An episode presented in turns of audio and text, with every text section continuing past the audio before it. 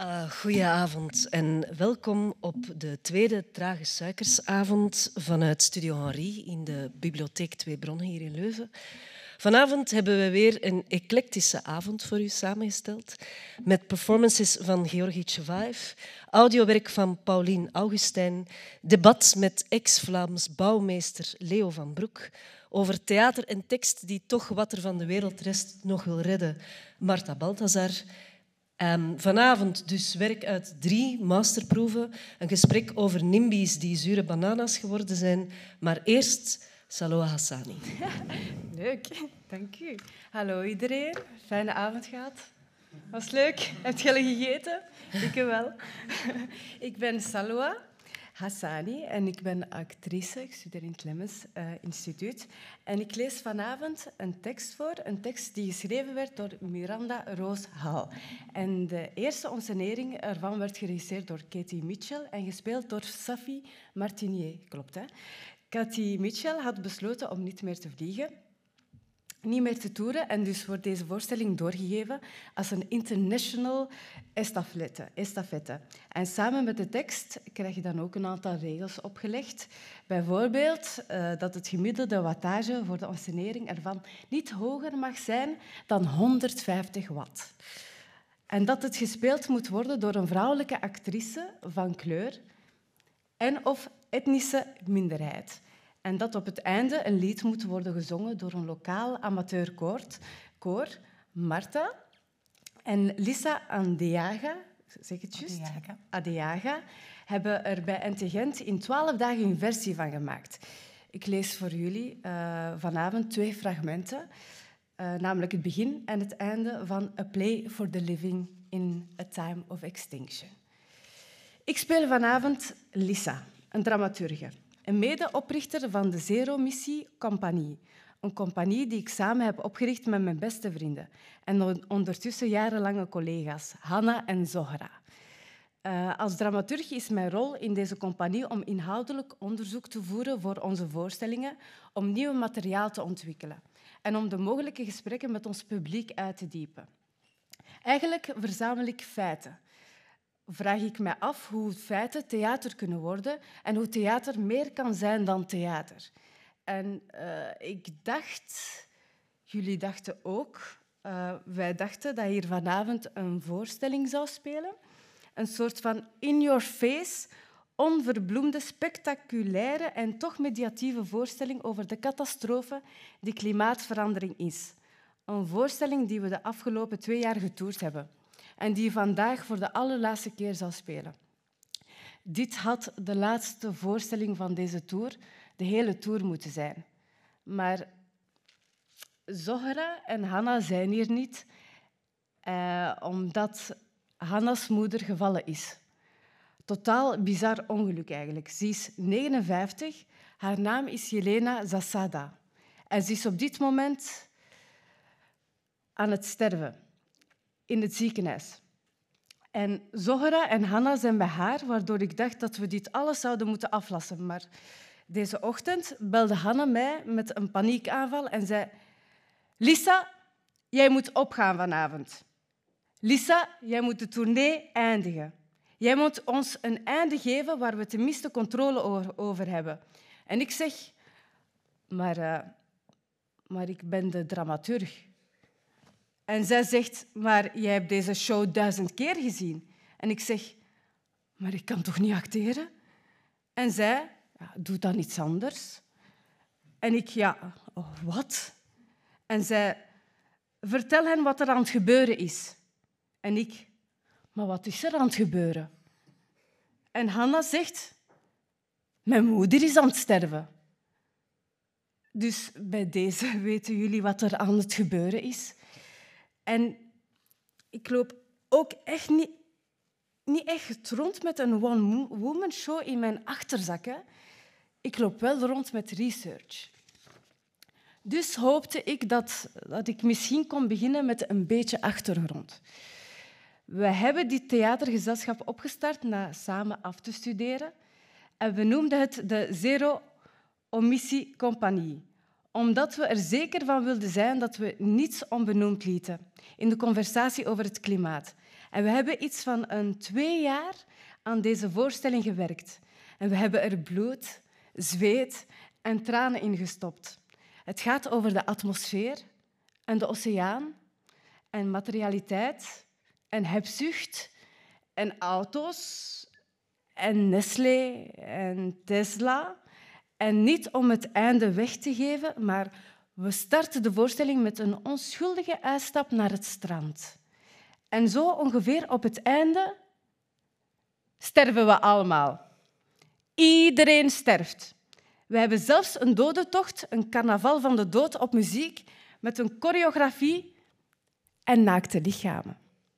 En dus heb ik het gevoel dat we dachten de klimaatproblematiek aan te kunnen kaarten met de kracht van het theater. Dat we daarmee het publiek als onderdanen tot inzicht konden dwingen. Dat we aan de hand van magische metaforen, onheilspellende soundscapes en scenebeelden met heel veel elektriciteit mensen schuldbesef konden instampen. En als ik erop terugkijk, moet ik toegeven dat ik voor het grootste deel van mijn leven de persoon ben geweest die wanneer ze haar vijand ziet, zoiets heeft van vijand, ik zal u verslaan met mijn kennis en informatie. Ik zal u verblinden met mijn grootste en schitterend op onderzoek gebaseerd engagement. Maar nu vraag ik me dus af of het wel werkt om een voorstelling te maken vanuit wrok. Want nu ontdek ik dat ik dacht dat ik had nagedacht over dit werk op een diepgaande en authentieke manier. En ik dacht dat mijn verbeelding mij meesleurde naar een plek van deconstructieve diepte. Maar nu was er op een nabespreking, na een voorstelling, iets wat ik faciliteer, een vrouw met de vraag... Hebt u misschien al gehoord van het boek The Sixth Extinction van Elizabeth Colbert? Zij heeft een hoofdstuk over vleermuizen. En ik zeg, ja, ik ben eraan begonnen, maar ik ben afgeleid geraakt. En ze zegt, ja, dat kan ik geloven, het is een moeilijk boek. Dat weet ik. En natuurlijk kan ik niet anders dan dat boek die avond nog lezen in één druk.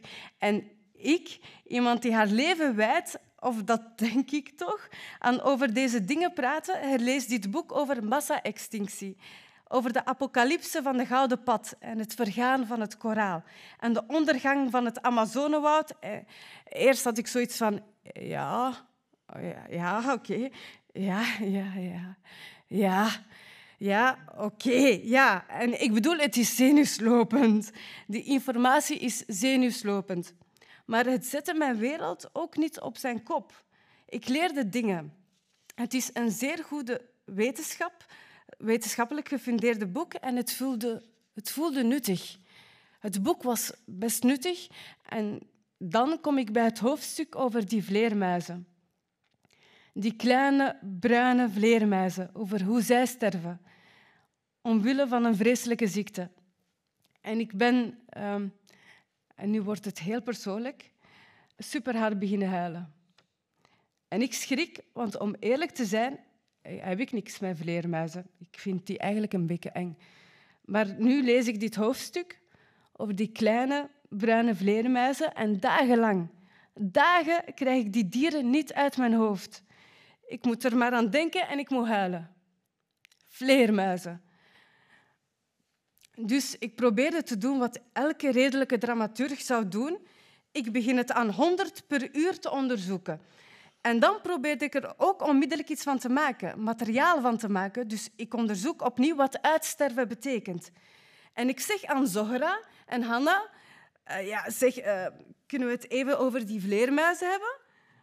Dus we proberen het over die vleermuizen te hebben. Een hele week. En ik doe een hoop onderzoek naar uitsterven. En ik verzamel allemaal lijsten van diersoorten, diersoorten en we proberen die conversatie over extinctie in onze voorstelling te integreren. En zij doen hun Zohra en Hanna-ding. Zij maken de uh, uitgestorven vleermuisinstallatie ACT. Maar het voelt niet juist. Iets voelt niet juist. En ik probeer het hen uit te leggen dat het gewoon niet echt klopt. En dat het niet voelt als dat gevoel toen ik thuis zat te huilen. En zij zeggen, maar we hebben taxidermie. Ja. En ik, het is vrees ik toch groter dan taxidermie. En zij, maar we hebben een carnaval van de dood.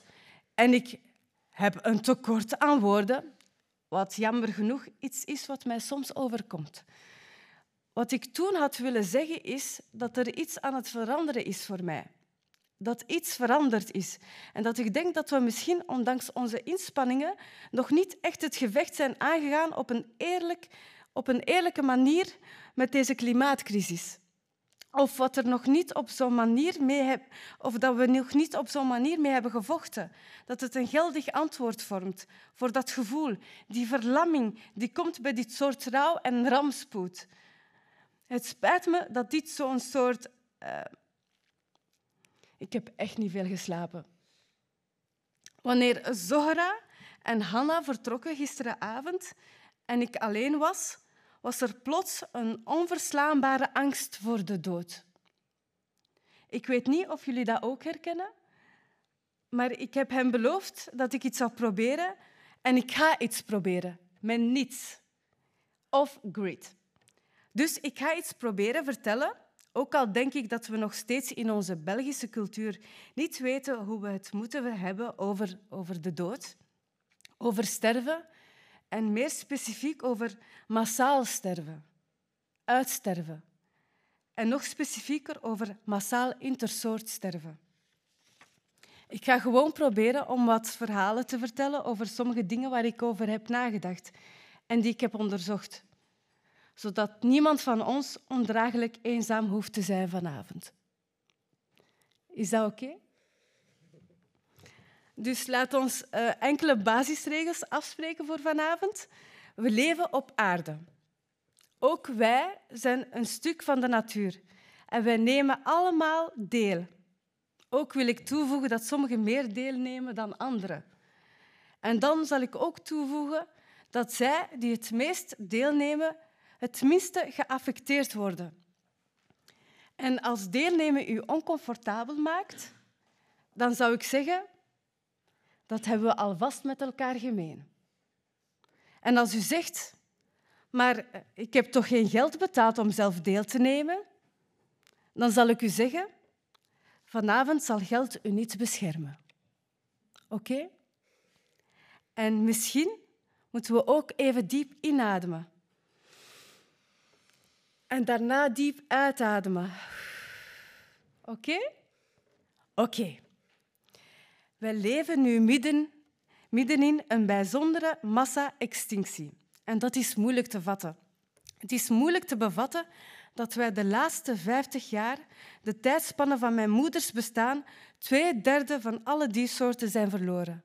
Twee derde. Uitgestorven tijdens mijn leven.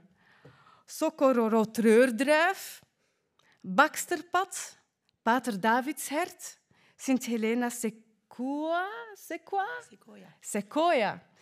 Koolboom, Gouden Skifa, Christmas Island Blauwe Staartskink. Ik blijf maar denken aan die kleine bruine vleermuisjes en hun kleine neusjes die nu wit zien, omdat er een schimmel opgroeit. En wie het opmerkt, denkt waarschijnlijk, het zijn gewoon kleine witte neusjes. Maar al snel merk je dan dat de vleermuizen verdwijnen, dat hun aantal drastisch zakt en mensen beginnen zich af te vragen, waar zijn de vleermuizen? En ze lopen de grotten in waar de vleermuizen leven, waar ze hun winterslaap doen. En wat vinden ze? Hopen en hopen en hopen vleermuizen, dode vleermuizen. En sommige van de vleermuizen worden wakker uit hun winterslaap. En als ze wakker worden, sterven ze onmiddellijk. Ze worden wakker en vallen dood met hun kleine witte neusjes. En sommigen worden wakker en proberen te vliegen en sterven van zodra ze dat proberen, omdat ze totaal gedehydrateerd zijn. En nog anderen worden wakker en vliegen naar hun vriendjes, hun kameraden, hun families, die stapel dode vleermuizen en roepen iets als word wakker, word wakker, word wakker, word wakker. Word wakker! Word wakker! Maar ze worden niet meer wakker, omdat ze dood zijn, verstikt, gedehydrateerd, hart gebroken, dood, dood, dood. Voelen jullie dat? Die graad van paniek? Ik heb soms het gevoel dat alles uit wonden bestaat. De vaart van de dood overweldigt mij. De vaart van terreur door hongersnood, overdrinking, overstikking, levend verbranden, door je hoofd geschoten worden, een mes in de rug krijgen, doodgeslagen worden terwijl de levenden toekijken en zichzelf wijsmaken dat zo'n schaal van geweld nu eenmaal onvermijdelijk is. Alsof die brutaliteit nu eenmaal is. Alsof die brutaliteit geen keuze is. Alsof die keuze er niet een van de mens is. Alsof wat menselijk gedrag is niet eens kan veranderen. En waarom trek ik het mij aan? Omdat ik niet het enige levende ding wil zijn tussen de stervenden. Omdat ik niet in een wereld wil rondlopen die moet rouwen om zoveel leven. Omdat ik niet wakker wil worden op een goede ochtend en mijn moeder dood in de keuken aantreffen. Omdat ik niet wil dat mijn moeder sterft. Of mijn tantes, mijn nichten, mijn buren. Ik wil niet dat we zomaar opofferingen maken. Ik weet niet wat ik nodig heb om vrede te hebben met de dood.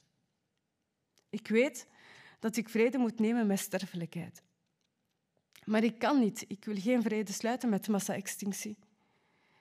En Jelena Zasada, moeder van mijn beste vriendin Hanna, die ergens rond de Senderlo werd geboren en bruin haar heeft, groene ogen, drie kinderen een ex-man met wie ze nog steeds erg goed overeenkomt, Jelena Zasada, die eraan dacht mij een lief bericht te sturen toen mijn grootvader stierf, die onze voorstelling hoe dan ook fantastisch vond en altijd op de eerste rij zat.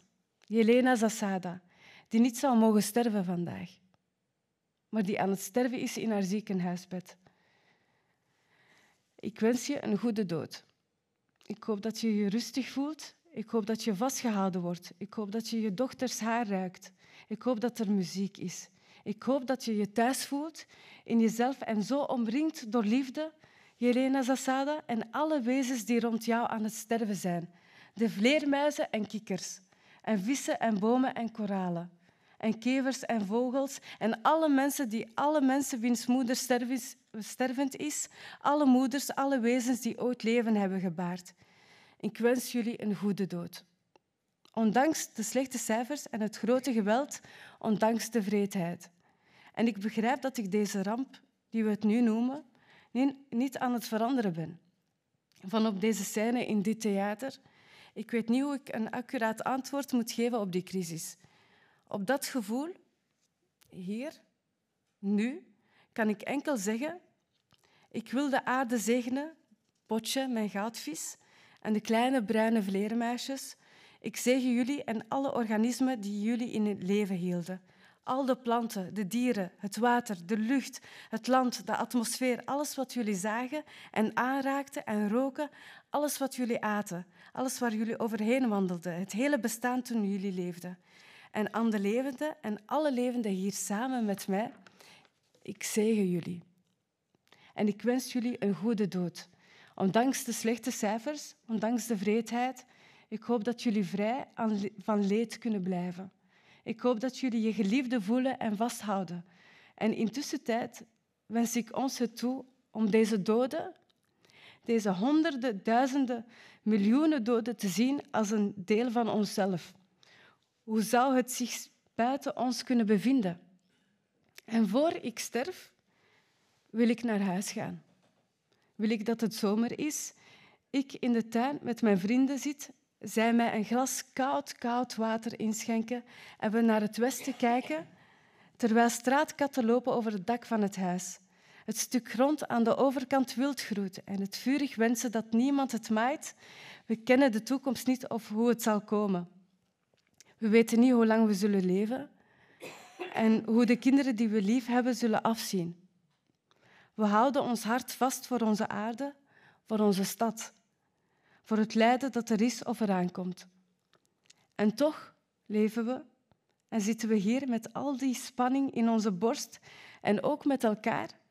We zitten en genieten van de wildheid. We zitten en genieten van de wildheid.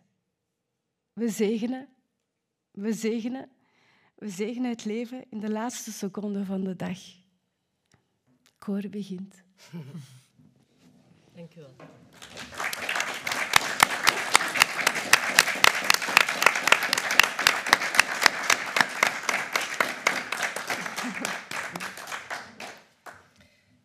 Ja, um, Marta, ik kom even naar jou. Omdat ja, de grap die wij dikwijls maken bij het Nieuw Stedelijk is, wat eigenlijk het doel van de voorstelling is, is de wereld redden.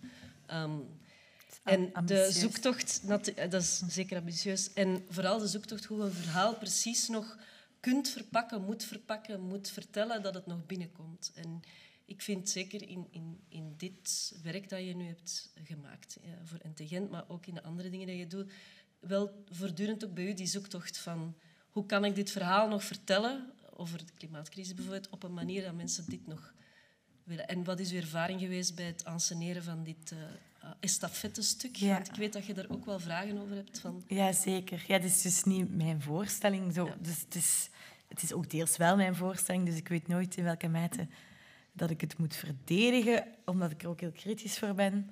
Um, en een van de redenen is, is misschien... Allee, uh, dat, is niet, dat is ook smaak en stijl en zo, hè, maar er zit een toon in die uh, heel uh, paniekerig is, die heel, waar heel veel informatie in zit. En ik vraag me af of dat, dat de manier is dat dan ook binnenkomt, bijvoorbeeld bij mensen. Dat is een van de vragen. Maar rond het, het is een duurzaamheidsexperiment, de mhm. voorstelling, in de zin dat er dus niet getoerd uh, mag worden, maar dat de voorstelling uh, wordt doorgegeven aan de hand van enkele uh, richtlijnen dan.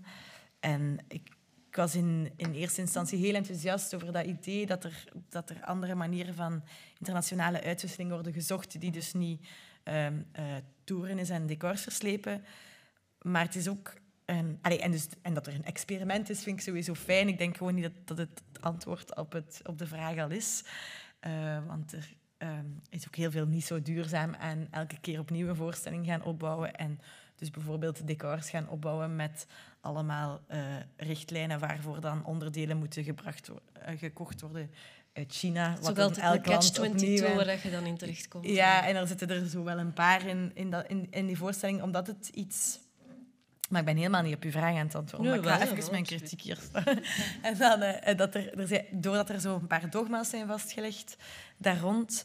Um, ja, is eigenlijk uw eerlijke zoektocht naar bijvoorbeeld duurzaamheid of naar een verhaal vertellen uh, uh, veel moeilijker. Mm. Wat ik denk dat ik kan concluderen uit dit experiment is dat er om echt uh, aan duurzaamheid te doen of aan andere vormen van de wereld proberen redden, dat er een grote mate van vrijheid en van tijd nodig is. Twee dingen die in deze in dit concept niet aanwezig waren, want we moesten dat op twee weken maken. En we waren onderhevig aan twee instituten, zo voelde. Allee, Vooral aan het instituut dan van, van dat concept. En dan maakte beslissingen die eigenlijk een beetje onlogisch zijn. Ik vond het ook spannend, maar je zei uh, het kritisch zijn of, het, of het, uh, een interessante tournure in de tekst. Uh, een stuk dat, dat ik heb doorgestuurd naar Salou, omdat ik dat ook interessant vond, maar nu niet gelezen hebben, is dat de actrice zelf zegt van ja, waarom moest het eigenlijk een, een, een, actrice van kleur zijn? We moeten erover eens zijn dat een vrouw van kleur alles kan spelen, dus daar gaat het niet over. Maar ik weet waarom dat de schrijver het doet. Omdat het natuurlijk de mensen van kleur zullen zijn die het eerst uh, geaffecteerd gaan worden door de crisis. Maar tegelijkertijd, ik herken mij niet in deze angsten. Dit is geschreven voor de Martas en de hoe noemt ze, Katie's van deze wereld, die dan hun vliegschaamte eh, van zich af kunnen schrijven in een voorstelling. Dit gaat niet over mij. En je zei van ja, dat is eigenlijk een, een tournure die we er zelf nog hebben ingebouwd, een soort nog eens kritiek op het project, dat dan ook niet in dank wordt afgenomen. of, of misschien ja, het is, dat, is eigenlijk een goed voorbeeld van... Ik snap waarom dat zo'n regel uh, in ja, dat is een heel goede, wordt gemaakt. supergoeie regel. Dat gaat over visibiliteit, over uh, representatie. Daar kan ik het alleen maar mee eens zijn, zeker in een stuk dat poogt intersectioneel te, te mm. gaan over ecologie. Maar als je dan ziet, natuurlijk, ja, het is geschreven door iemand wit, het is geregisseerd in eerste... Allee, het concept is opgesteld door iemand wit.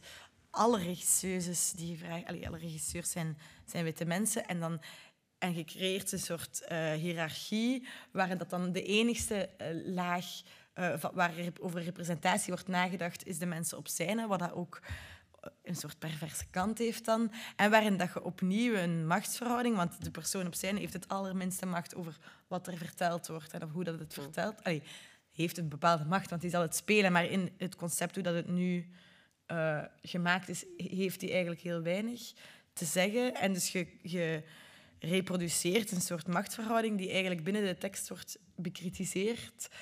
En ik denk niet dat ze dat doelbewust hebben gedaan, maar door daar zo dogmatisch mee om te gaan, is dat toch het effect dat er uh, uit is gekomen. En dan was er bijvoorbeeld voor ons heel weinig, allee, voor Lisa en mij, heel weinig ruimte om uh, daar mee om te gaan, behalve een stukje stiekem toevoegen in de tekst, waar we dan voor op onze donder hebben gekregen. Want jij zei ook meteen, maar ja, ik vond dat wel interessant, ik herkende daar wel iets in. Ja, dat tweede stuk dat je mij had doorgestuurd. Ja, hè. ja omdat uh, als het over klimaatcrisis gaat, heb ik wel altijd zo het, het gevoel van, oh, maar ja, ik, ik, moet zien rond te komen. Allee, ja, um, dat is een, een, veel te groot uh, ding dat ik eigenlijk geen centen voor heb om mij daar bezorgd voor te zijn. En, mm. en gewoon, ja, ik ben ook in Brussel uh, opgegroeid, want het was ook een stuk van in, in over Molenbeek. Uh, van dat mensen in Molenbeek vroeger sterven dan mensen die in een, een miljoenenkwartier wonen, bijvoorbeeld. Voilà. En ben ik blij dat ik niet in Molenbeek ben blijven wonen. Maar enfin, dat terzijde, dat terzijde had ik wel zoiets van... Ah, maar het, is, het gaat altijd over klimaatcrisis, maar het is uh, voor de rijke mensen uh, gebracht. Voor mensen die, die daarmee kunnen omgaan. Voor, voor andere mensen die andere problemen hebben of die bezig zijn met andere dingen, is dat precies een elitaire ding om mee bezig te zijn. En nu had ik zoiets van, ah ja, oké, er wordt wel naar, naar ons toegeschreven, want wij zijn natuurlijk ook deel van deze wereld uh, en van de klimaatcrisis. En dat is heel fijn om ook zo gezien te worden, dat wij daar ook mee bezig zijn. En dat we misschien niet met Tesla's bezig zijn, of uh, Nestlé of wat dan ook, maar, maar ook wel met andere dingen. En dat daar ook naar gekeken wordt. En daarin zit ook, denk ik, of in dat stukje tekst zit, ja. zit ook het soort verschil tussen... Iedereen, ja, waarom heb je dat stukje tekst dan niet gelezen? ja, dat kan hè. er zit ook een soort uh, wrijving tussen symbolisch over iets hebben en daar dan, dan natuurlijk weer een praktijk van maken, wat dat eigen is dan aan uh, kunstenaars en opiniemakers en zo. Um, dat ben ik allebei, dus ik mag zo zeggen. ik mag er zo flauw over doen. Um, uh, maar, en, en dat je dus ja, soms wel moet afvragen in welke mate is daarover babbelen en daar een ingewikkeld discours over bouwen weer een soort raar afleidingsmanoeuvre waarin dat je dan ook echt veel mensen echt uitlaat, dan in plaats van een soort ja, wat, hoeveel... Ja, dat is dan de letterlijke zin. Hoeveel geven we echt over de half miljoen Pakistanezen die op dit moment hun huis kwijt zijn? Of hoeveel geven we vanavond, eh, vanavond over het gesprek dat we daar kunnen rond hebben en hoe goed dat we dat gesprek kunnen voeren? En ik, ik wil daar ook niemand mee te veel met de vinger wijzen. Ik, dat gesprek is nodig, maar je voelt ook in een concept als dit, heel veel van die dingen zijn symbolisch. Er wordt um, uh, energie opgewekt, energie opgewekt met fietsen. En dat is een leuk beeld. En dat is een fijn idee om over elektriciteit na te denken. Uh, op het einde van de dag maakt dat geen bal uit. Allee, jawel, want een spot is 150 watt en die hele voorstelling was 150 watt. Dus dat maakt natuurlijk wel iets uit, maar dat zijn, de vragen zijn complexer en zo. En, dus je belandt natuurlijk snel in van die straatjes. Maar wat, wat je voelt vind ik dan, en Katie Mitchell gaat het niet verstaan, want het is in het Nederlands, maar zij is opnieuw een soort haar territorium aan het afbaken in de kunstwereld dan, door het over zulke dingen te hebben. Een soort koningin van de duurzaamheid. Ja, en, dat, en bedoel, als dat soort activisme rond ego gaan gaan en wie, wie kan er hier het best daarover praten, dan gaan we helemaal uh, verloren zijn, denk ik. Ik wil graag een overgang maken naar een, een ander project van jou, want we het hebben over stem uh, iemand stem geven of letterlijk de ongehoorde stemmen aan het woord laten en misschien ook de plek waar het zich afspeelt. Um, je hebt, we hebben zo meteen ook twee fragmenten uit Boerenpsalm. Een voorstelling die je gemaakt hebt als masterproef, als afstudeervoorstelling. Um, en wat dat je daarvoor zegt, is... In, allez, wat dat je letterlijk in de tekst zo zegt, van ja, ik wil eigenlijk stemmen aan tafel brengen die normaal niet met elkaar in dialoog gaan. Um, en het te hebben over de, de, mm. crisis waar de landbouwer zich in bevindt. Als je probeert om op een duurzame manier ook je vak uit te oefenen. Um, wat er bijzonder is aan de voorstelling is, ja, het speelt op locatie in boerderijen, maar ook de stemmen die je hoort, je hoort zowel echt letterlijk de stemmen van boeren en boerinnen, maar ook van beleidsmakers en zo. Um, Maar je hebt ook acteurs, twee acteurs, die halverwege eigenlijk verbatim gewijs... Misschien moeten we even uitleggen wat verbatim is. Verbatim is... Zet een koptelefoon op. tonen wat we dan doen. Je hoort de originele interviews en je spreekt direct eh, na. Dus, Dus in plaats van je tekst te leren, Ja. kun je gewoon... Dat is een goede tip voor de spelers. Ja, zeer gemakkelijk, zeer moeilijk om te doen. Allee, zo En grondzet. de voorstelling is nog wel te zien. Eh, je weet nog niet Het is wanneer. winterstop, dus vanaf april als de zon terug eh, in het land is. En een bijzondere ervaring op, op een boerderij, tussen het, Ja. de werkende boerderij naar een voorstelling te kunnen gaan. We hebben twee fragmenten. Het eerste is een, een ehm, eh, gewoon de boerin zelf die aan het woord is. Het duidt zichzelf in het audiofragment. En dan stoppen we even en dan is er een tweede audiofragment en daar gaan we ook even zelf de verbatim methodiek van de voorstelling laten zien. Maar we zullen eerst luisteren Ja. naar Annelies.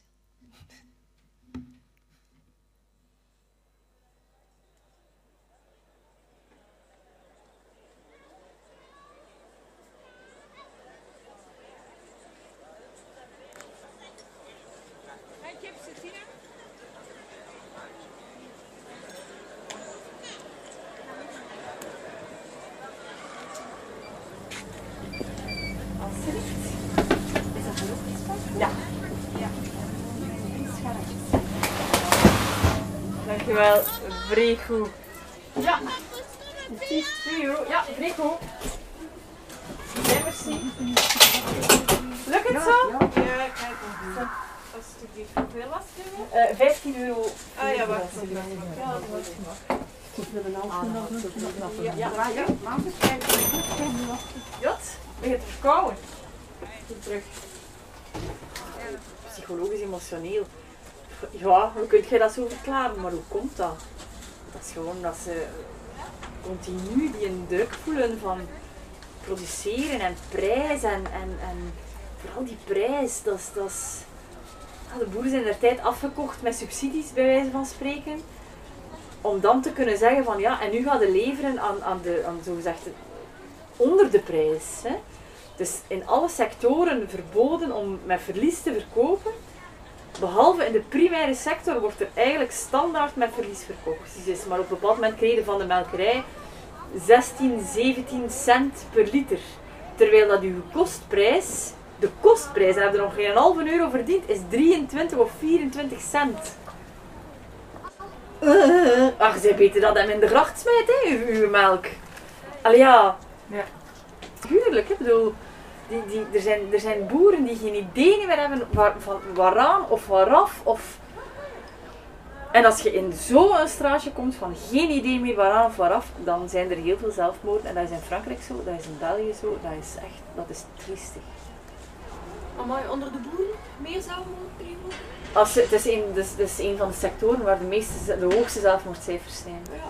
Dus Ook, maar, maar boeren is een zeer eenzaam beroep. Ik heb daar geen last van. Ik bedoel, allee, eh, eh, dat is, maar, maar dat is, dat is echt een probleem. Hè. Wat is het verschil tussen jullie boerderij en andere boerderijen? Wij zijn zeer, wij zijn zeer kleinschalig, wij zijn totaal onafhankelijk. Wij, wij, baseren, wij, geven, wij, wij zetten onze eigen prijs Ah ja, en wij verkopen rechtstreeks. ah. Heel weinig boeren verkopen rechtstreeks. Ah, dat kan ja, via een groothandel of via een slachthuis. Dan. En kun je dan nog ombouwen, vo- ombouwen tot zo'n concept van jullie dan? Maar ja, je zegt zijn al grote Weet je, weet wat het probleem is? Ah, wel, kijk, dus wij zitten eigenlijk op, op een. Je kunt dat niet beter vergelijken als dat wij in, in, in de stad aan het rijden zijn en wij kunnen op elk moment dat we willen kunnen wij afslaan. Ja. En zij zitten op de autostrade. Of nog slechter in, op een trein. En die zitten op die trein en die trein die gaat maar. Maar ze, hebben, ze kunnen niet, niet weg. Geen uitweg. Omdat, en ken je dan al veel boeren die al zijn moeten beginnen? Sophia Ik ken er wel een paar, ja. Ik, ik, ik ken er wel al wat. Eh, maar Allee, succes voor de boeren nog succes. En gelukkig dat jullie het wel goed doen. Eva. Nou, Oké. Het volgende fragment is een, ehm, een gesprek met Kinshuk. Ehm, en dan zullen we eens kijken wat dat, dat geeft als wij zelf hier... ehm, nu speel je eens niet jezelf. Ik speel sowieso, niet mee, dus mezelf. het is een experiment. Dus kijken dat wij verbatim gewijs het gesprek kunnen verder zetten. Mijn acteurs gaan echt denken. ja, lekker. Can you tell me about your film? Sure. My grandfather is a farmer, and I have seen how he has suffered depression throughout my childhood. So, always have wanted to make a film which is about farmer suicide. This is not today's problem, it's 20, 30, decades old. Decades after decades, continues. Doesn't even reduce, it's only growing. The numbers keep growing, growing, growing. Climate change makes it worse. Also, know that it I would like it to be very intimate and not, you know, only expositive way of a political documentary, but something very intimate portrait. So how do you do that? Because there's so, So much, much. There's no There's hope. no hope that can that be can inside. be inside. It all It seems all seems miserable. miserable. Even though Even there though are there films are like films Shoah, like Shoah about the Holocaust, about the and Holocaust it deals and in detail deals in about detail about loss loss and, and misery, misery of, of survivors. survivors. Uh, and, this is not um, less is than not less a than slow a genocide. slow genocide. 300, 300, 400, 400 plus and counting. Thousand plus and counting. 12,000 people 10, committing 12,000 suicide. people committing suicide. And mostly and because mostly of the because of system the system. is slow Is genocide. slow genocide. So I thought, at least I have a narrative way to approach this film. Because I'm very scared of making a film which is ex- Extremely, extremely sad, and people will not watch it. Coming from a point of view of someone who also wants to make an impact. So the impact would not be made if it's not popular, if it's not seen, and I juggle between these anxieties of mine. Is there a, a lot of knowledge about the politics Yeah, yeah, yeah. behind their misery, if you can say? Yeah, yeah, yeah, yeah, yeah, yeah, yeah. Everyone knows what is happening. Every, you know, but nobody knows how to change systems because it's extremely complicated. You cannot just blame. No, No. you, you, I don't know. You can blame. I don't know because there are markets, there are banks involved, there are politics. Um, I- there's a lot of exploitation from different corners, and then there's climate, which is extremely, extremely dry in this region, at least. Which is Or somewhere it's flooded, or somewhere it's raining. Anything unexpected, out of season, affects farmers. And then they also have to deal with insects, pests, dead crops, multinationals, greed. Endless, endless, endless. uh, it's fantasies. Um, the play I'm making is like round table, or uh, another kind of table where uh, where everyone who has something to- do with agriculture is um, uh, sitting. Um, who do you think should should be around that that table? In your play, there should be bankers. There should be people who go and collect debt. Right? There should be people who decide on the top chain of politics. Who else you think should be there? Monsanto, Bayer. Yeah, they are responsible, but there are also so many other players that are hiding in plain sight. I, I really feel economic models really define that. Yeah, but who is who? Will I put around the table? Who, who will play capitalism for me? Play capitalism for you. Uh, I don't know. Who else? Um, somebody who's preserving old seeds. Somebody, uh, an activist. Who else? Scientists who believe technology is the solution. Farmers themselves. Dank u wel.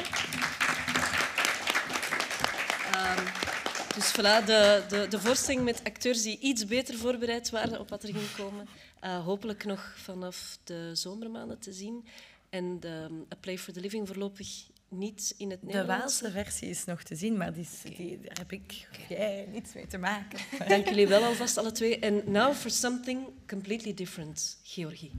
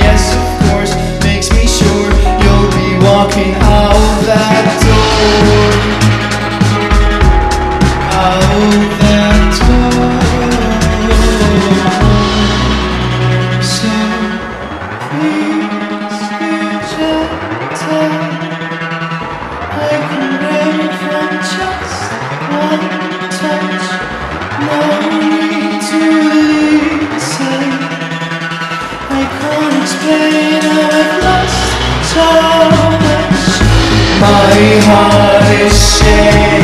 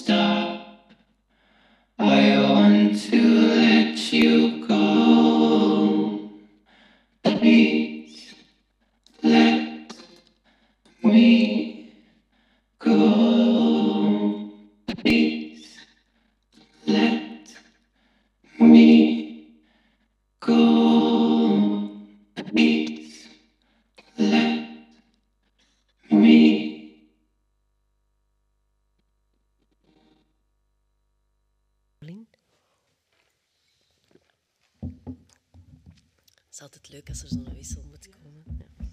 Ja. Zo'n mooi intermezzo. Goedenavond. Goedenavond. Ja, eh, Leo. ehm, mensen kennen jou misschien het meest als, als Vlaams bouwmeester, ehm, als ingenieur, als eh, architect uiteraard.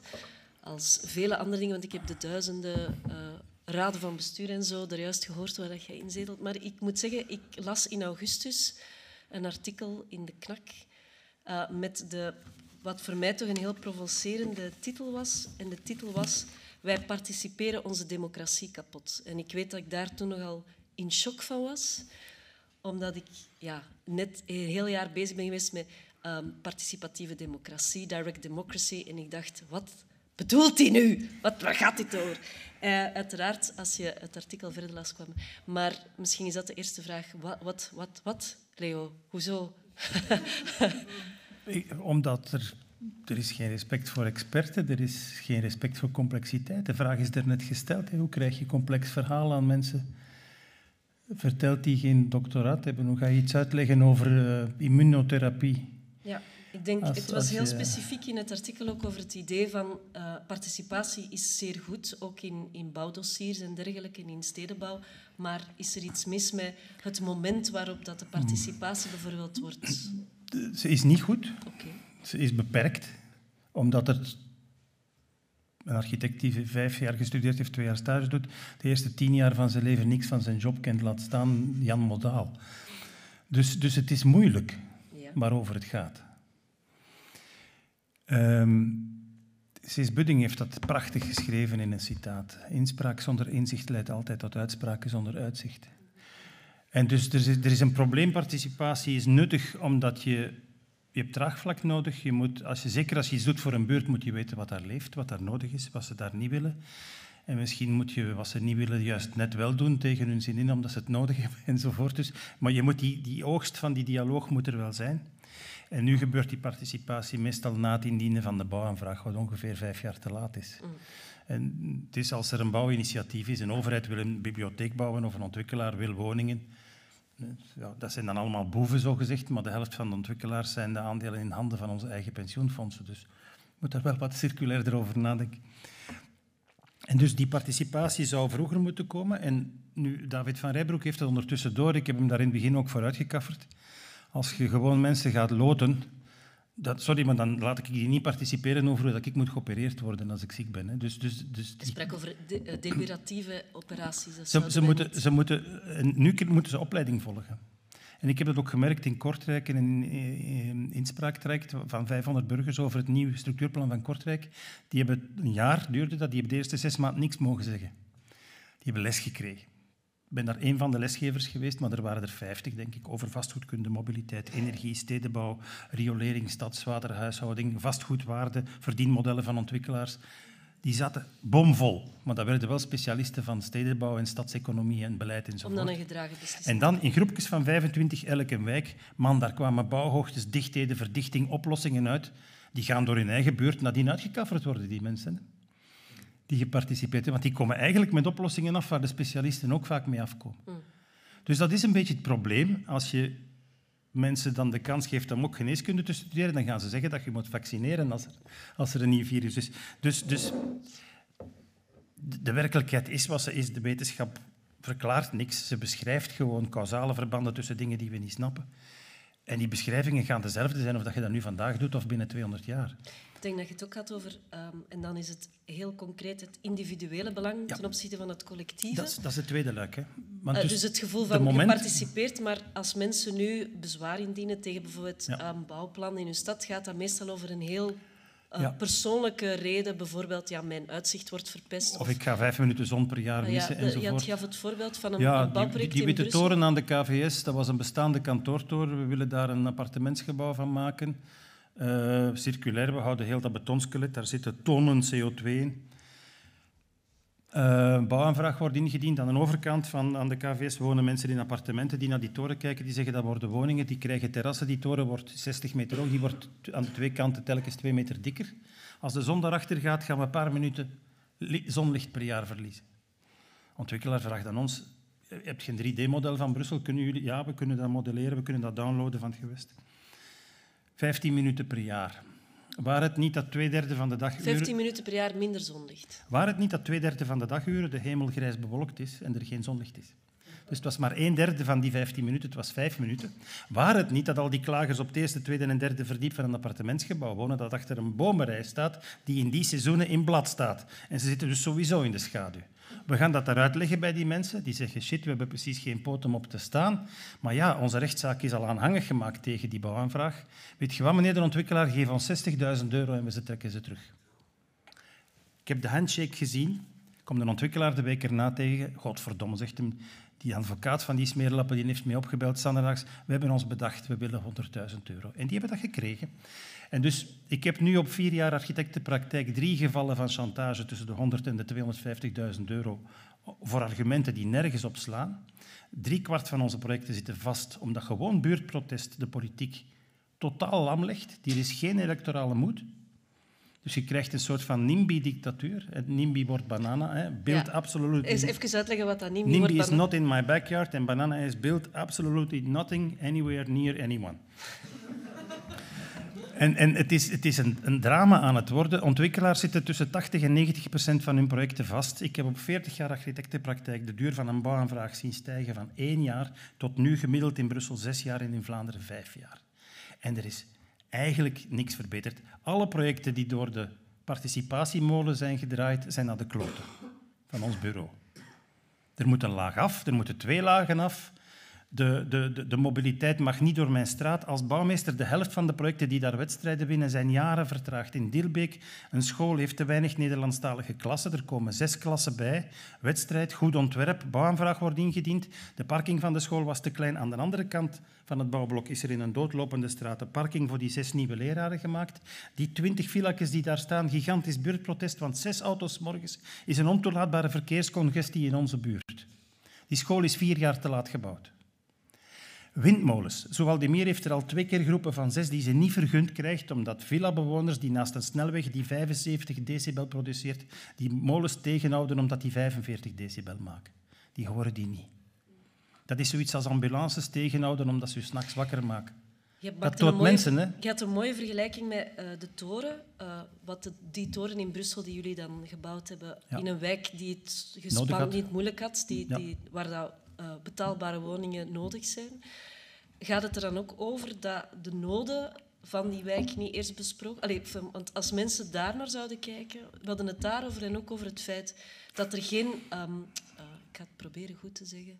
Er geen verband blijkt te zijn tussen die mensen in die villa en die windmolen. Zij hebben daar geen Ja. rechtstreeks profijt van. In de zin in, van... in Eeklo een- hebben ze de kans Ja. gegeven aan burgers om aandelen te kopen in de windmolenparken en er zijn ineens geen bezwaarschriften meer.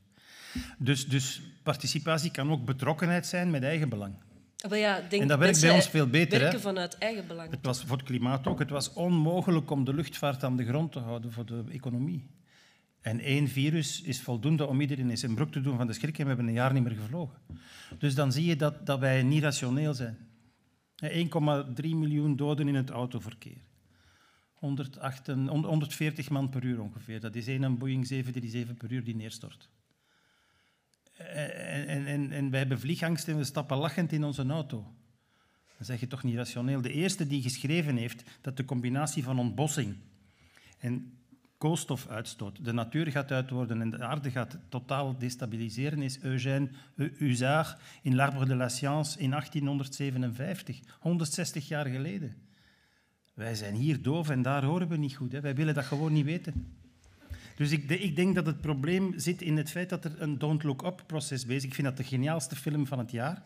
Dus dat mensen een soort van egoïstische, zotgepamperde, rot, rotverwende ettertjes geworden zijn, die, die geen verandering meer willen, die elkaar niet kunnen verdragen. Als straatfotograaf word ik voor rotte vis uitgemaakt, want ze willen privacy in de enige ruimte waar privacy verboden zou moeten zijn, namelijk de publieke ruimte. Daar zit je publiek. Daar moet je elkaar kunnen beschrijven. Vroeger met verhalen, mondeling, orale traditie. Vandaag met lenzen. Waarom niet? Hebben ze net ochtends hun ontbijten in hun onderbroek op Facebook gesmeten en komen ze buiten en willen ze privacy. Dus, dus dan denk ik van... En elk project dat belangrijk is, hè, dorpen verdichten, ja, mag niet. We zijn tegen verdichting in ons dorp. Maar we willen wel, hè, klimaat en natuur, we vinden dat wel belangrijk, maar, maar er is geen kat die wil inbinden. Hè. Als je zegt, je, eigenlijk, je moet 30% van het land terug afgeven aan de natuur, maar dat is niet waar. Er is plaats voor maar 1, 1 tot 3 miljard mensen op aarde, naar gelang de footprint die we nog willen. Als we nul CO2 uitstoten als Europeanen, geen rood vlees eten, circulaire doornut-economie en alle mensen op aarde leven zo, en we willen voor alle soorten planten, mensen en dieren genoeg plaats, dan is het maximum 3 miljard en half. Daar is niet aan te ontkomen. En er zit een foutenmarge van 10, 20 procent op die berekening. En deze week we gaan naar 8 miljard en misschien 9 en 10 miljard. Komen de de- demografen op de radio zeggen dat dat nog kan. Dat de aarde 10 miljoen mensen gaat voeden. 10 miljard. 10 miljard, sorry. Want dan is alles landbouwgrond. Dan is de natuur uitgestorven binnen de week. Du- Dus het, het, het is zo complex. En dan zie ik dus die, die, die don't look up mentaliteit van Jan Modaal achter zijn haag in zijn verkaveling. Laat mij gerust. Ik, ik wil een auto, maar ik wil geen andere auto's door mijn straat zien passeren. Ik hou parkings van buren tegen, maar ik wil geen parkeerplaats missen. Dan, dan, dan, dan is er geen besef meer van het dan- het, het moeten we het collectieve. Dan, moeten, we, ja, moeten we het dan harder voelen? Allee, zowel Ja. het positieve als het negatieve. Want je zei, eh, je het kunt het ook voelen. positief voelen. Namelijk, ah, als ik aandeelhouder ben in een windmolenpark, Ja. dan krijg ik rechtstreeks ook de, de, gun, allee, de winsten van die wind. Maar, ook in het negatieve gezegd, ja, tot, tot het heel het erg. Het moet en- erger worden voor het Calamiteiten is het enige En wat toen gaat zei ik, maar we hebben vorig jaar eh, ja, we hebben het ergste al meegemaakt. We hebben een overstroming meegemaakt in ons eigen land. Dat, wat is daar dan het gevolg van? En je hebt gezegd, Ehm, daar zijn wel... Er zijn hier en daar, in Turnhout kan ik nu plotseling een moerasgebied bouwvrij houden, makkelijker. Dat de mensen zeggen, het is nu toch wel hard aan het gaan, die klimaatverandering. Maar in Wallonië zelf is de politieke weerstand tegen een aantal specialisten zijn daar gaan helpen in het kader van stedenbouw. De banken zijn nu aan het zeggen, joh, maar wacht eens. De bankiers moeten, zitten rond de tafel, die zijn aan het nadenken. Hè. Die zeggen, maar Assuralia, de verzekeringssector, zit mee in de banken, zit mee in. Zeg je, We hebben daar wel een half miljard moeten direct op hoesten aan al die waterschade en er zijn nog dossiers aan het komen. Misschien gaan wij verzekeringspolissen in, in Vermettegem toch een beetje duurder verkopen dan in, in de stad of in, in een dorp. En, en gaan we een hypotheeklening voor een, een gebouw dat verharding en klimaatrisico's bijmaakt, veel duurder maken. Want voorlopig, en dat is ook het knettergekke van onze economie en een meedogenloos kapitalisme, is alles wat we doen dat goed zou zijn voor, wat ik noem het niet klimaat, want het is een milieu, het is wereldwijde instorting van het ecosysteem. Alles wat, je daar, wat daar goed voor is, is duurder. Dan de, goedkope versie is de schadelijke, vervuilende versie. Waarom taxeren ze dan niet omgekeerd? Dan kun je goedkope dingen kopen die goed zijn voor het milieu en de vervuilende zijn duurder. Dan zal die transitie toch veel rapper gaan. Dus het gaat ook over politieke moed. Ja, waarom hebben wij lage loonlanden nodig? Waar de, dat zijn de enige landen waar geboortecijfers nog hoog zijn, omdat er geen gezondheidszorg, slechte vrouwenrechten zijn en geen, geen, geen, geen voldoende scholingsgraad. Dus, dus zolang wij t-shirtjes van 1 à 2 euro kunnen kopen die met katoen gemaakt zijn, waar regenwoud voor gekapt is, en wassen is duurder dan weggooien, dus gooien we ze weg. De kringloopwinkels verzuipen in de katoen. Maar dat is het toch op planetair zothuis. Zoals je in het begin zei, van, ja, er is misschien wel hoop.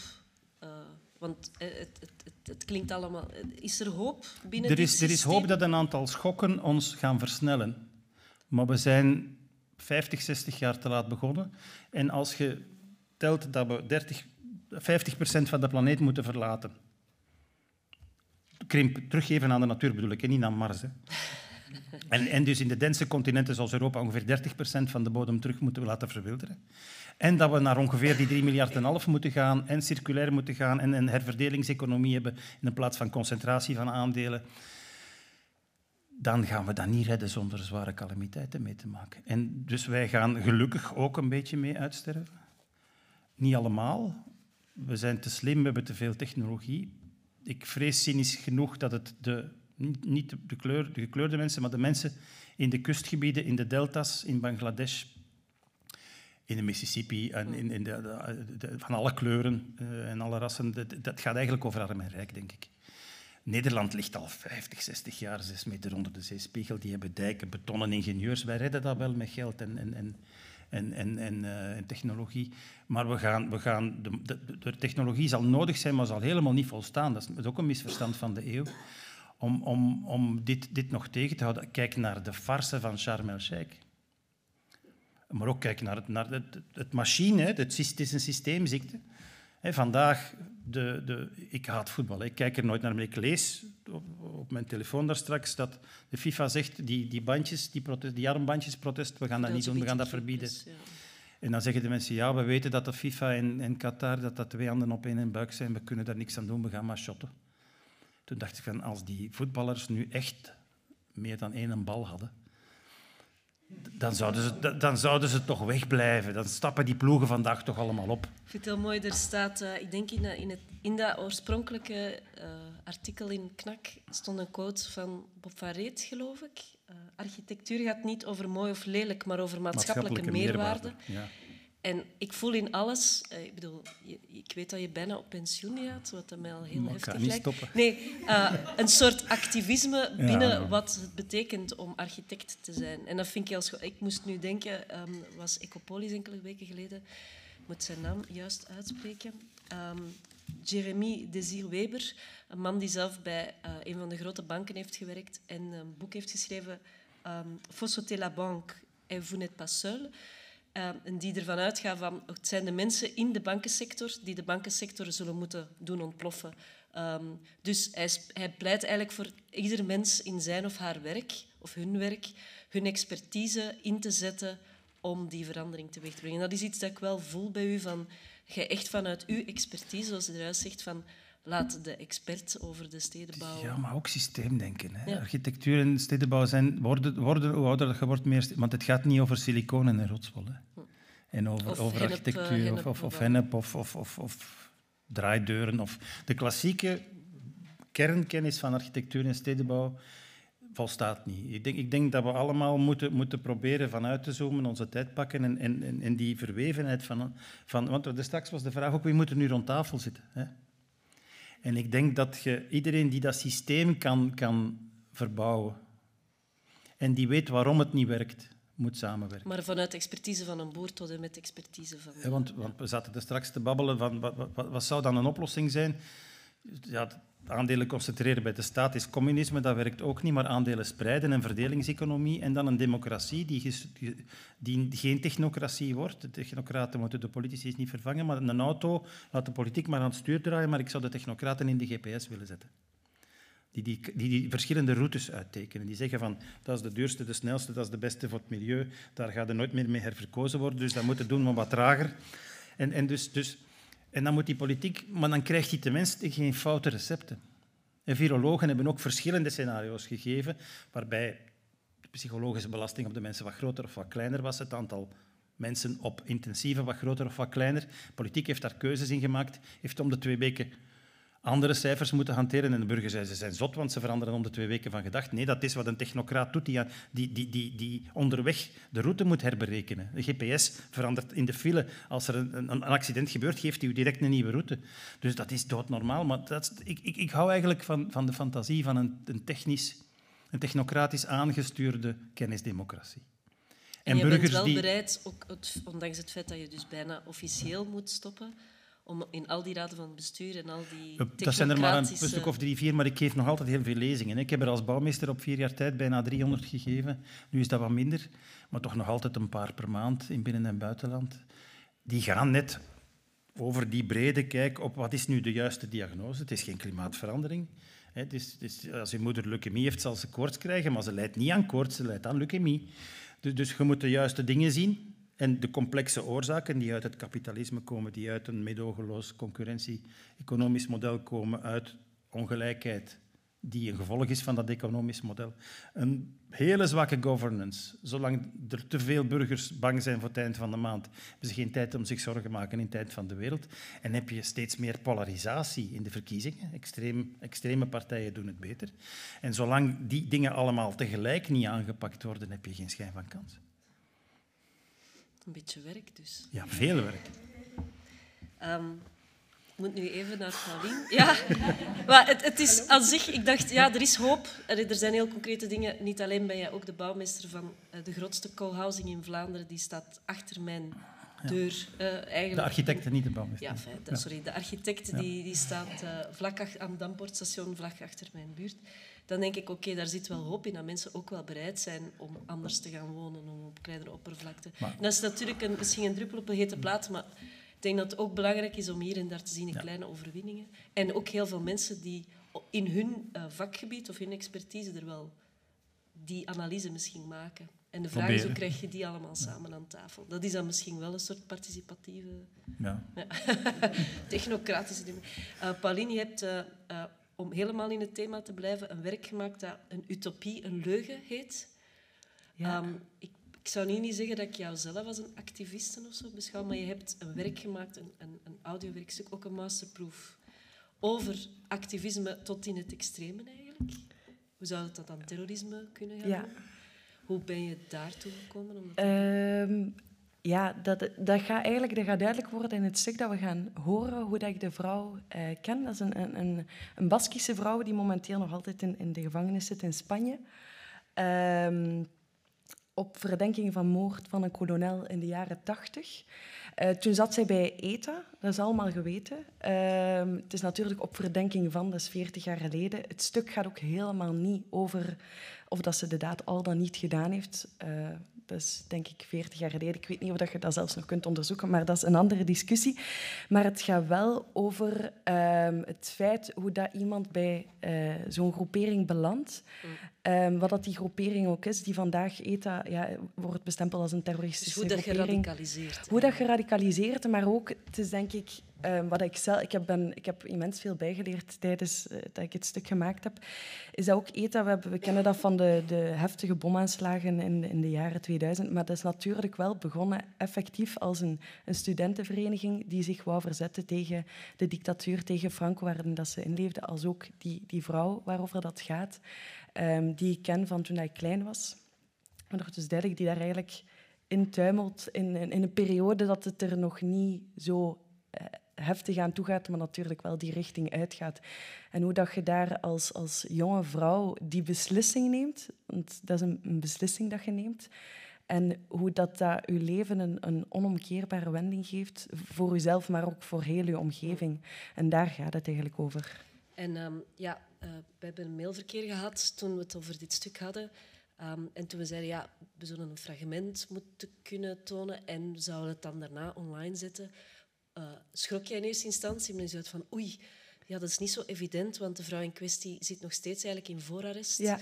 Ik weet niet of dat dit zomaar kan. Uh, en, maar ondertussen weet ik van, het kan wel. Allee, we, we, we, als we vanavond luisteren naar de eerste twaalf minuten Ja. ongeveer van het hele stuk, de rest kunnen de mensen dan nog verder beluisteren.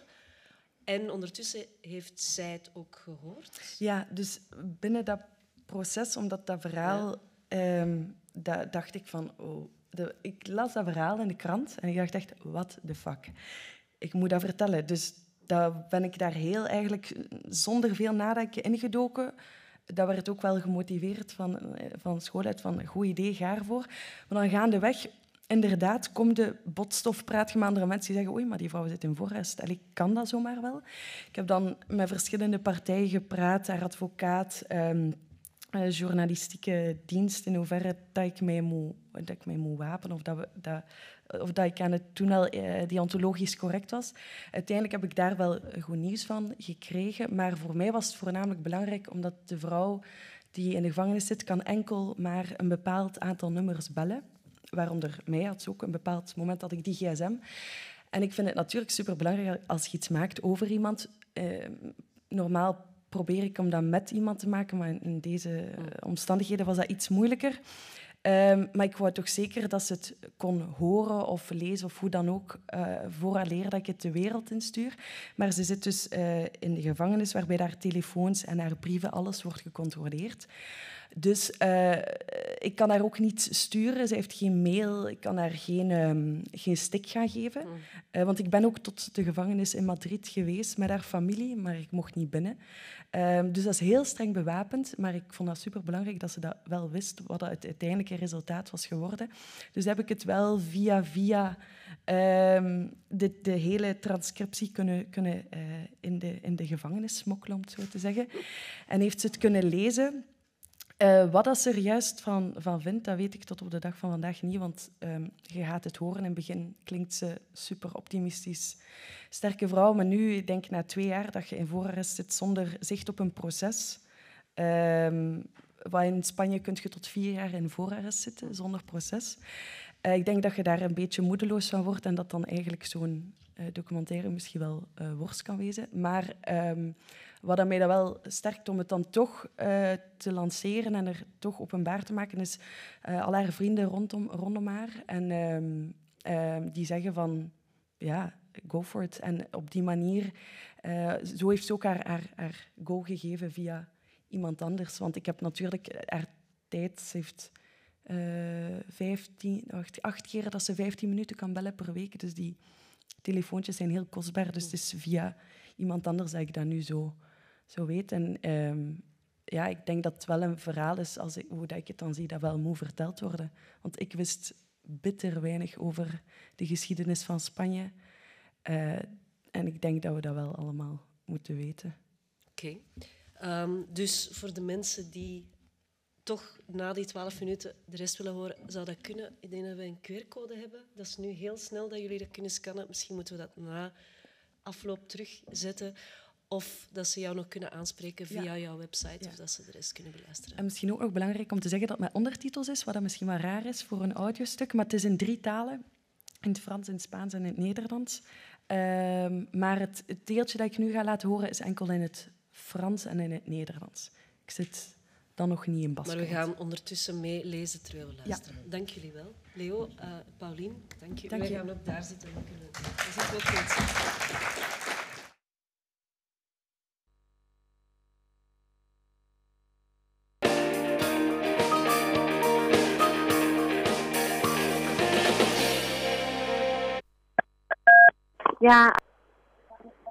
Ah, très bien. Parce que eh. Hè? en français, c'est plus facile. Oui. Comment tu t'appelles Ah, mais je ne me souviens pas de toi. Je ne sais pas si je te connaissais. Ah, je sais. Je faisais le ménage ton père. Oui, je me souviens maintenant. Oui, oui, oui, oui. Et comment ça va? Yeah. Ici aussi, hein, Madrid, c'est très froid, c'est très extrême, mais on est habillé comme si on est dans le Népal. Hein? ah non, non, mais je m'habille comme ce que je veux, on n'a pas d'uniforme. Hein? Je suis dans un module de respect. Et là, on a certaines libertés, pour dire d'une manière. et, et on peut s'habiller comme on, comme on veut, et on peut se maquiller, on peut faire la manicure, et on peut faire la pédicure, entre nous, hein, et il y a un cap salon aussi, c'est gratuit, et on peut se arranger les cheveux. Oui, on a des petites choses. Je me suis inscrite à l'université à distance. Je, je pense toujours, quand je serai libre, je peux continuer à la distance hein, à faire ça. Alors, euh, je me débrouille. Je, je fais de- la, la nourriture, c'est, ça c'est la meilleure punition pour moi. Parce que la nourriture, c'est dégueulasse, vraiment. C'est, c'est pour, comme pour des porcs. Yeah. Non. Mais j'ai, j'ai fait un petit euh, cahier avec des recettes aussi. Et voilà, quand j'ai envie de manger quelque chose, j'écris la recette. C'est comme ça. ça va être, ça va être le livre de mes rêves. la dernière recette que j'ai fait, c'était un dessert que j'ai fait de la crème brûlée avec des pommes caramélisées. Oui. Mais aussi, j'ai fait une ciabatta avec mozzarella, eh, anchovies et tomates et eh, eh, avec la mozzarella fondue au four. Ah, tu entends le bruit? Ils sont en train d'appeler quelqu'un, oui. Bueno, eh, oui, j'ai le droit d'appeler eh, 15 fois par semaine. Eh, mais j'ai une liste autorisée et je ne peux pas téléphoner à n'importe qui. Et aussi, mes appels sont contrôlés. Mais bueno, ça, c'est rien de spécial que je veux dire. Alors, il n'y a rien à cacher dans ma vie. Je, je suis accusée de, de quelque chose qui s'est passé il y a 40 années. Oui, 40 ans, oui, passé. Et aujourd'hui, justement, c'est une année que j'étais arrêtée à Gand, à ma maison, aujourd'hui, à 6 heures le soir. C'était le 18 novembre, que la police sont entrés comme des fous, oui, en train de chercher un terroriste très dangereux. ya, ya, ya, attends un peu, ça va, ça va être coupé, mais je vais te retéléphoner, parce que chaque appel c'est pour 8 minutes, et maintenant j'ai entendu le petit bruit.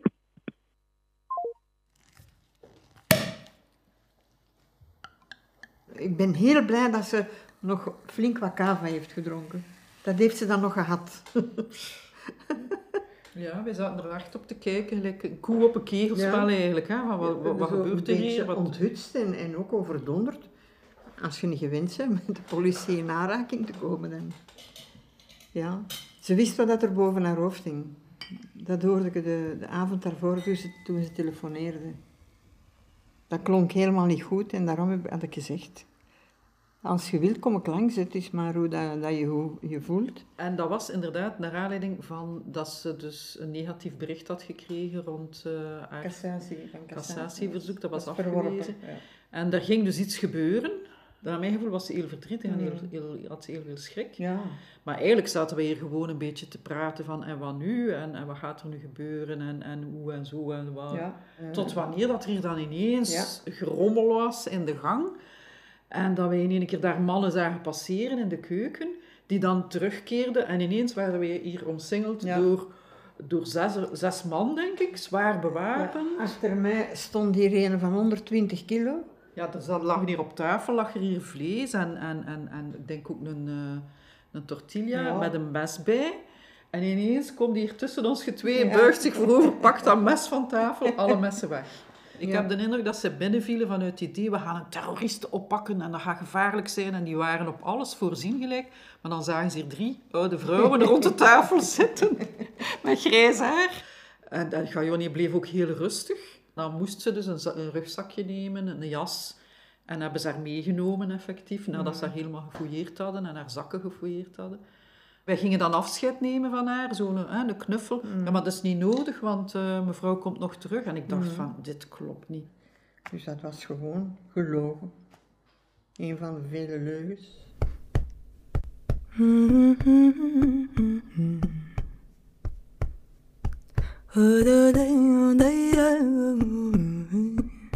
Gens Baskische kokin vandaag op vlucht naar Spanje gezet. Ik herinner mij echt nog heel goed dat moment toen dat ik dat artikel las. Een voormalig lid van de Baskische afscheidingsbeweging ETA is zondag door België uitgeleverd aan Spanje. Ik heb toen snel naar mijn vader gestuurd om even te checken of dat het effectief over die vrouw ging die bij ons thuis kwam kuisen en koken op feestjes. De vrouw verbleef sinds 2003 in ons land. En zijn antwoord herinner ik mij ook nog levendig. Dat was gewoon een droge ja. Ja, dat is zij. Maandagochtend verschijnt ze voor de Spaanse onderzoeksrechter.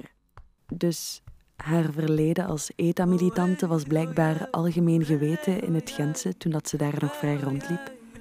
En ik was 12 jaar, dus al wist ik van de wereld. Maar nu ben ik 27 en zij zit al anderhalf jaar in voorarrest in de gevangenis in Spanje.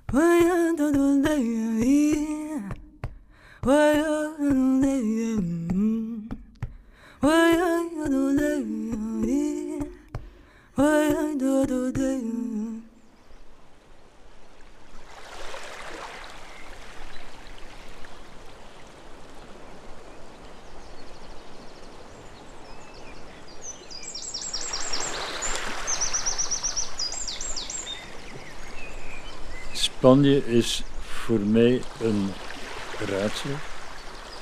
Is dat wel een land? En ik denk dat de Spanjaarden zelf daar eigenlijk geen antwoord op hebben. Ik sta in het noorden van Spanje.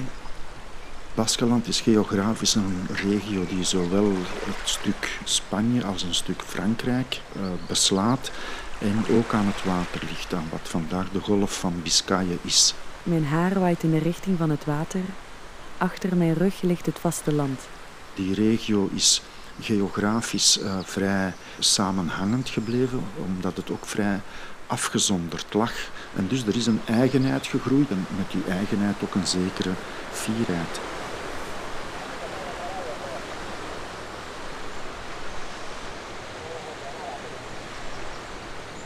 De zee ruikt hier niet naar zee. De toppen van de groene heuvels zitten verstopt in de mist.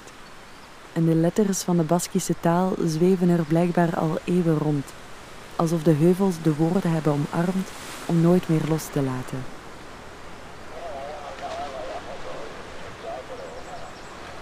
Rechts van mij ligt de open zee. Links vaart een visser voorbij de haven van San Juan in, langs een grijze pier met een gestreepte vuurtoren.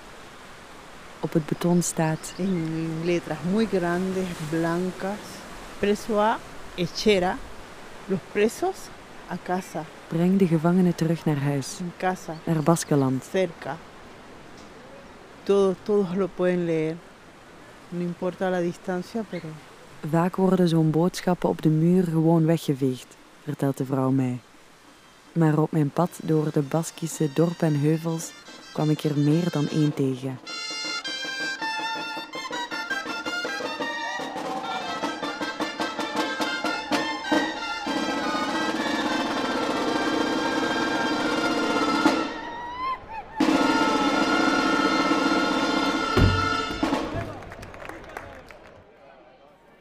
Vraag mij soms af hoe ver je terug in de tijd moet gaan om iets te kunnen begrijpen. Want ik las bijvoorbeeld dat in de beginjaren van het Baskisch nationalisme, eind 19e eeuw, dat er gesproken werd van etnische zuiverheid en het Baskische ras. Je moet dat erbij vertellen. Rudy Doom, professor emeritus in de politicologie aan de UGent. Ja, je, je mag je daar niet in vergissen. Er zitten binnen dat Baskisch nationalisme een aantal strekkingen, zeker bij het ontstaan, die de nadruk leggen op bloed en bodem en zeer onfrisse gedachten hebben. Hè. Zou ik gaan zeggen, het politieke sympathie voor datgene waarmee de, de ETA soms geassocieerd wordt, niet blind zijn voor het verleden. Vincent Scheltiens, historicus verbonden aan de UA en Spanjekenner. Vanaf het moment dat Spanje zal ontstaan als een poging om van bovenaf een gecentraliseerde moderne staat te vormen, zit je met die eigenheid in Baskeland. En dus die centrale poging tot staatsvorming hield geen rekening met die specificiteiten, waardoor dat heel veel mensen in Baskeland daar een beetje wantrouwig of zelfs misschien een beetje afkerig van stonden, omdat ze hun eigen ja, cultuur wilden blijven koesteren. Dat is eigenlijk volledig geëscaleerd toen de burgeroorlog begon.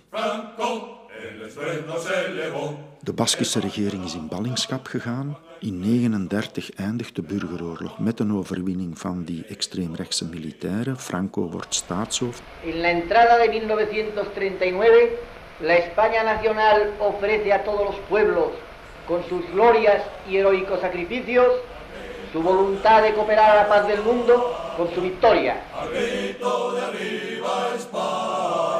Het is natuurlijk zo, je kan de eten ook niet begrijpen zonder dat je naar de opponent kijkt, Franco. Het Spanje van Franco was opnieuw een zeer gecentraliseerd Spanje. De Baskische taal mocht niet gesproken worden, dus die werd gefluisterd in achterkeukens door grootmoeders en zo doorgegeven aan kinderen. Je mag je niet met politiek inlaten. Je mag je mening niet laten horen. Er zijn ook mensen die, die luisteren, die je kunnen aangeven. De Basken voelden zich militair bezet, dat was ook zo. Dus er waren contingenten militairen van het regime die naar Baskeland gestuurd werden om die Basken en de oppositie die er was tegen die dictatuur, om dat onder de knoet te houden. Dat ging er zeer bloederig aan toe. En vooral met mensen die zeker zelf niet van Baskeland waren, zodanig dat er geen band zou zijn tussen leger, gemilitariseerde politie en de eigen bevolking.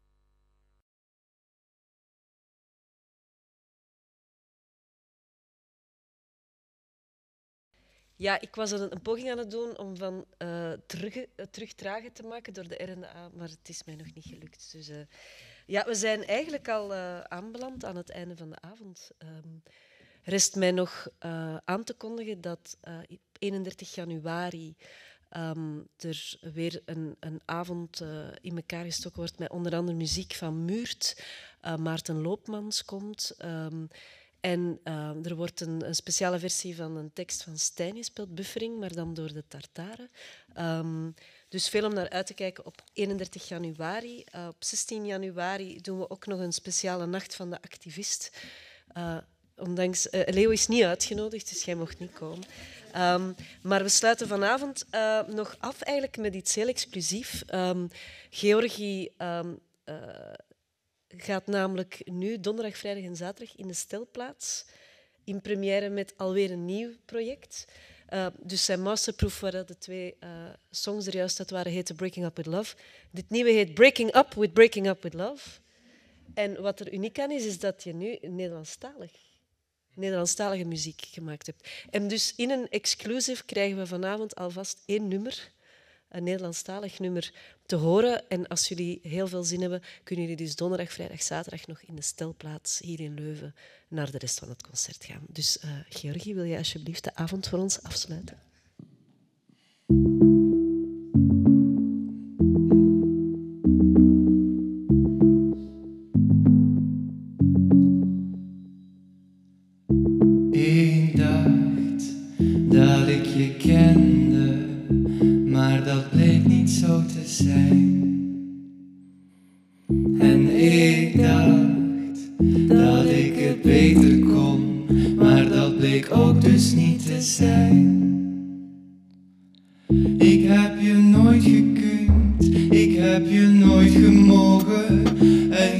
Idyllisch uitziensletje met die heldere blauwe ogen.